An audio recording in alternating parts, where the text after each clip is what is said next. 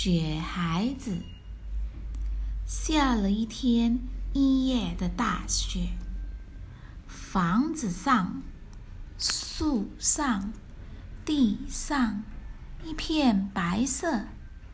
兔妈妈要出去找吃的，她堆了一个漂亮的雪孩子，让它和小白兔一起玩儿。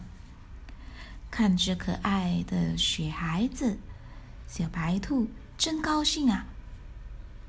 它和雪孩子又唱又跳，玩得很开心。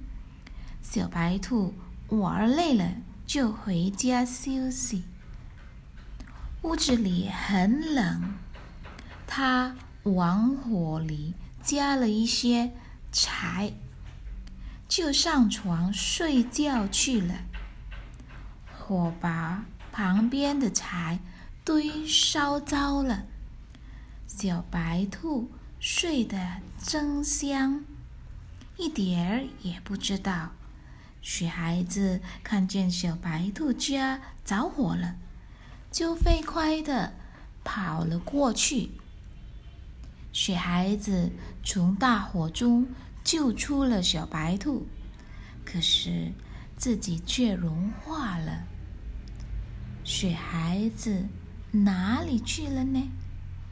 它飞到了空中，成了一朵白云，一朵很美、很美的白云。